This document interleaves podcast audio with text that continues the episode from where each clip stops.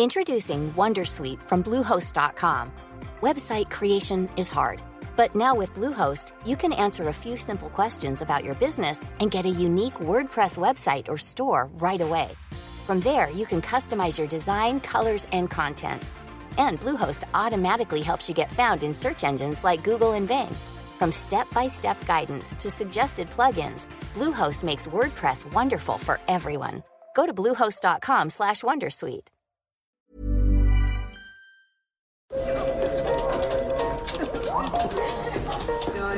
Dette er lyden av norsk næringsliv. Akkurat nå tas det små og store valg som kan bli avgjørende for fremtiden. Med økonomisystemet X-Leger tas disse beslutningene basert på informasjon i sanntid, slik at drømmer og ambisjoner kan bli virkelighet. Få kontroll og oversikt, gå inn på xledger.no. Denne sendingen er sponset av Xleger.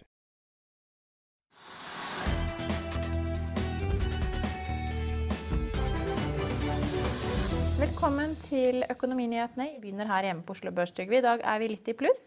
Brentoljen har også styrket seg. Og det smitter over på norsk krone. Ja. altså Nå er vi ikke helt i pluss, da er vi akkurat i null. Det har vært litt oppe i hele dag. Eh, er, Akkurat nå har vi faktisk bitte litt ned, men rett før vi gikk i Ja. så var vi pluss 0,1. men, Nå er vi minus 0,1. men det er pluss minus null, Ja. så det er ikke viktig. Det er liksom, markedet er, er litt usikker på hvor det skal gå. og Derfor er det liksom, det var opp mesteparten av dagen. da. Og det skyldes, som du sier, at, eh, tror jeg da, at eh, oljeprisen holder seg på liksom 46 dollar på fat.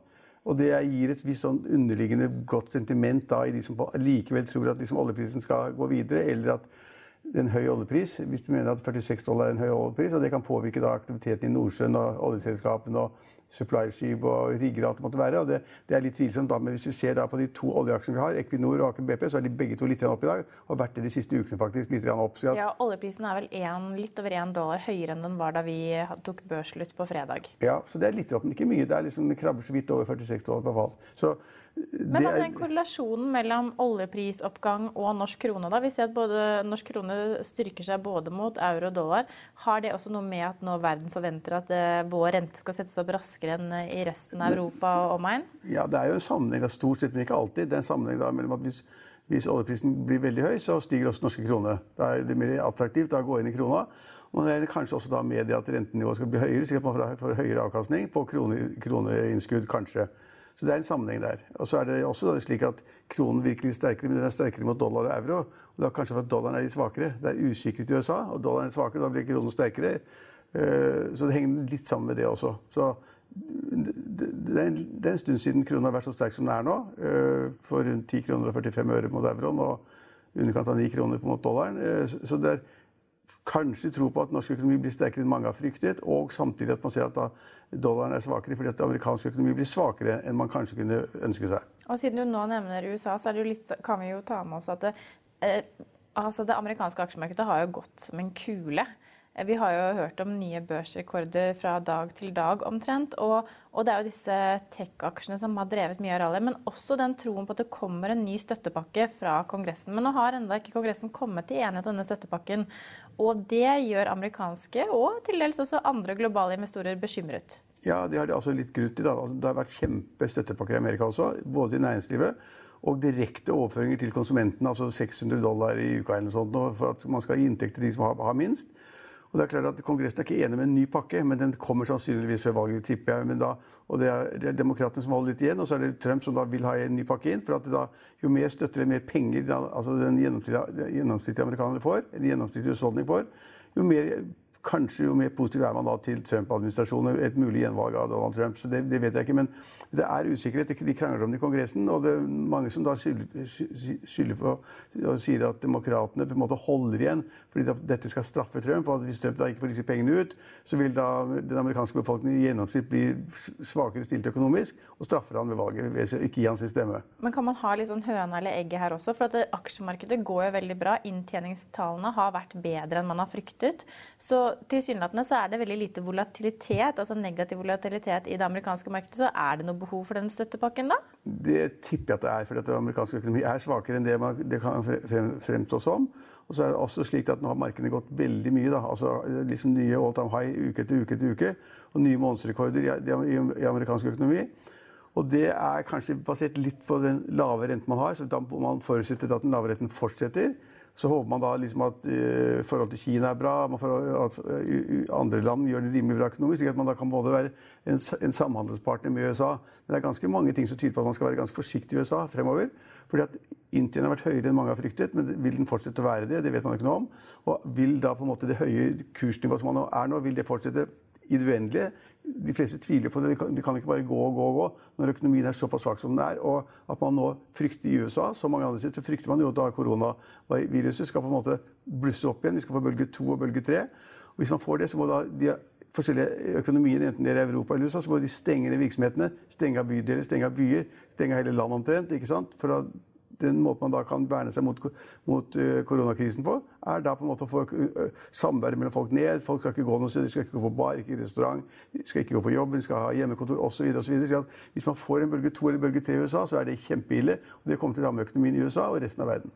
Ja, og derfor Hvis man har det scenarioet der, at det kan skje, det er ikke helt utenkelig, så er det skummelt å være i aksjemarkedet når man har hatt all time high om igjen, om igjen, om at. Ja, og så er det disse tech-aksjene vi ikke kommer unna. For de har jo blitt ekstremt store, disse FANG-aksjene, men også inkludert på Microsoft. Eh, tror du at det, hvis man får en ny president i USA, at de vil se nærmere på denne, om, denne, om, de rett og slett er blitt for store? Ja, det er et godt spørsmål. Det tipper jeg de vil se på. Men det er, altså, da jeg studerte, så, så er det ganske, ganske lenge siden. Da var man liksom for å opprettholde konkurransen så kunne man ikke ha altfor store enheter, enten det var biler eller fly eller bøker eller hva det måtte være, eller data. Så man måtte liksom ha sunn konkurranse mellom likeverdige partnere. Og hvis én ble kjempestor, ikke sant, så ett et jernbaneselskap i en hel verden, eller ett skipsselskap, eller hva det måtte være, så var ikke det bra. Nå er jeg litt i tvil om det er riktig. Altså disse eh, Amazon og Apple og Netflix og Google de, har, altså, de er kjempegode, gjør riktige ting, tjener masse penger, skaper nye ting hele tiden, blir bedre. Og da begynne å splitte det opp, det er en ganske tvilsom affære. og Det vil ta lang tid, mange år. Det vil bli rettssaker opp og ned. Det er ikke bra for amerikansk økonomi generelt. Så jeg tviler på at demokratene, selv om de skulle få flertall, selv om de skulle få presidenten, så tviler jeg på at de da vil gjennomføre en prosess hvor de skal splitte opp Apple eller splitte opp Amazon. Det, det tviler jeg på.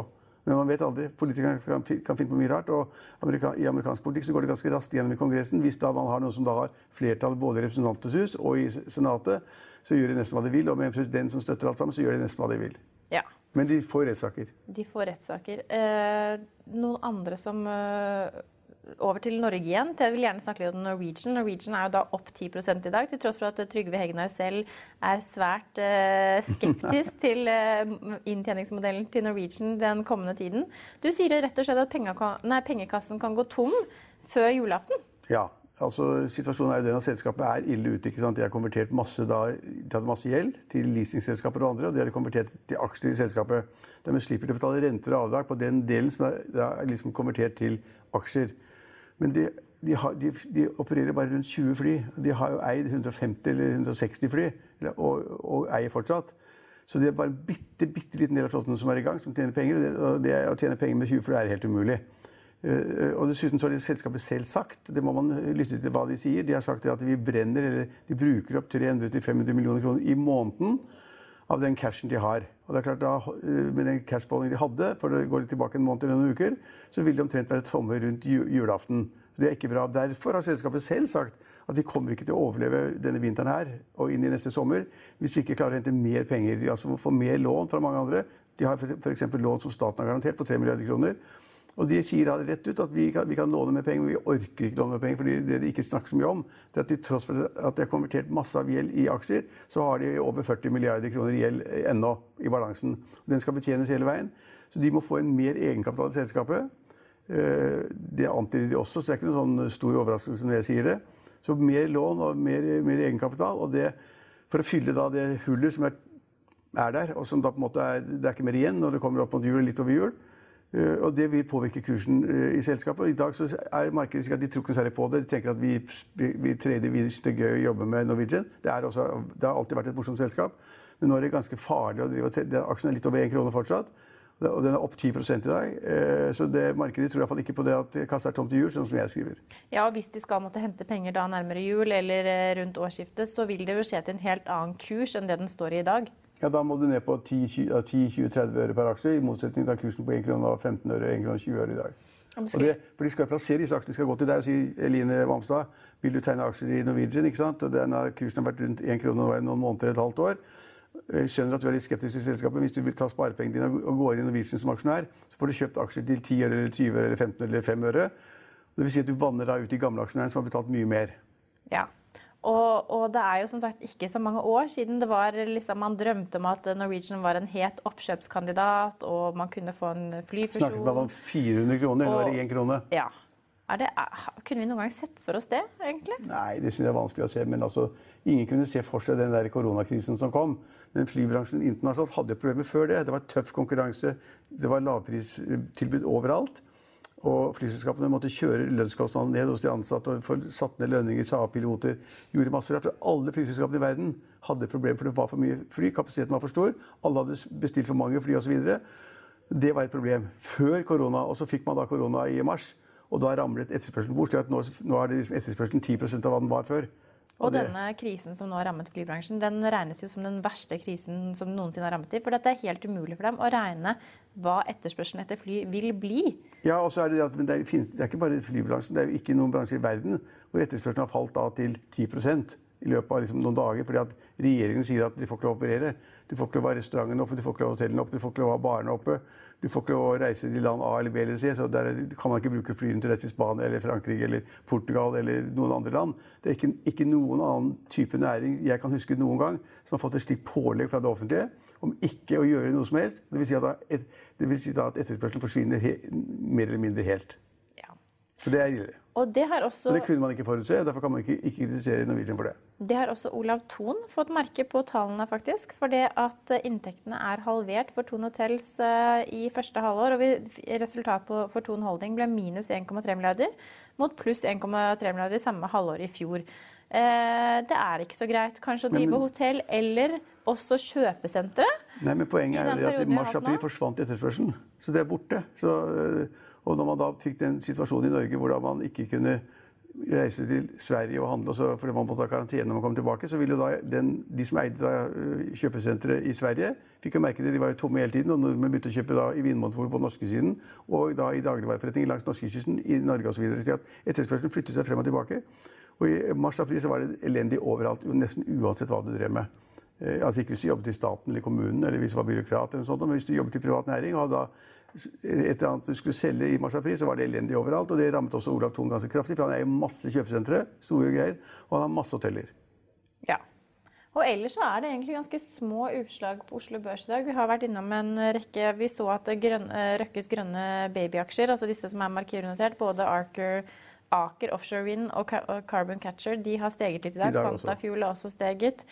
Eh, men jeg vet ikke om det er noen flere som bør nei, nevnes? Nei, det er ikke mange. Men Skan, altså det var den der, hva heter den der, ikke Skanska, men eh, Skana. Skana som driver da med øh, øh, produkter til skipsfartsnæringen.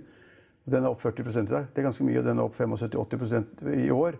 Fordi de har meldt at de fikk en kjempekontrakt som de skal tjene masse penger på. Så det tror markedet på. Har kjørt kursen kjempeopp. Ja, Øverst på taperlisten så finner vi, vi vel Storm Real Estate som steg eh, etter tall forrige uke, men nå altså er i dag ned 19 Det er noen som tar en profit til å korrigere ned, ja. ja. ja så det, men det er ikke så veldig mange aksjer å nevne utover det. Vi er tilbake i morgen klokken 15.30. Følg med oss igjen da.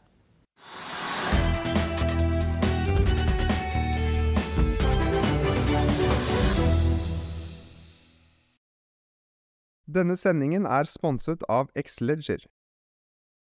Økonominyhetene er en podkast og videoproduksjon fra Finansavisen. Programleder er Marius Lorentzen. Aksjekommentator er Karl Johan Molnes. Produsent er Bashar Johar. Podkast- og videoansvarlig er Marius Mørk Larsen. Og ansvarlig redaktør er Trygve Hegnar.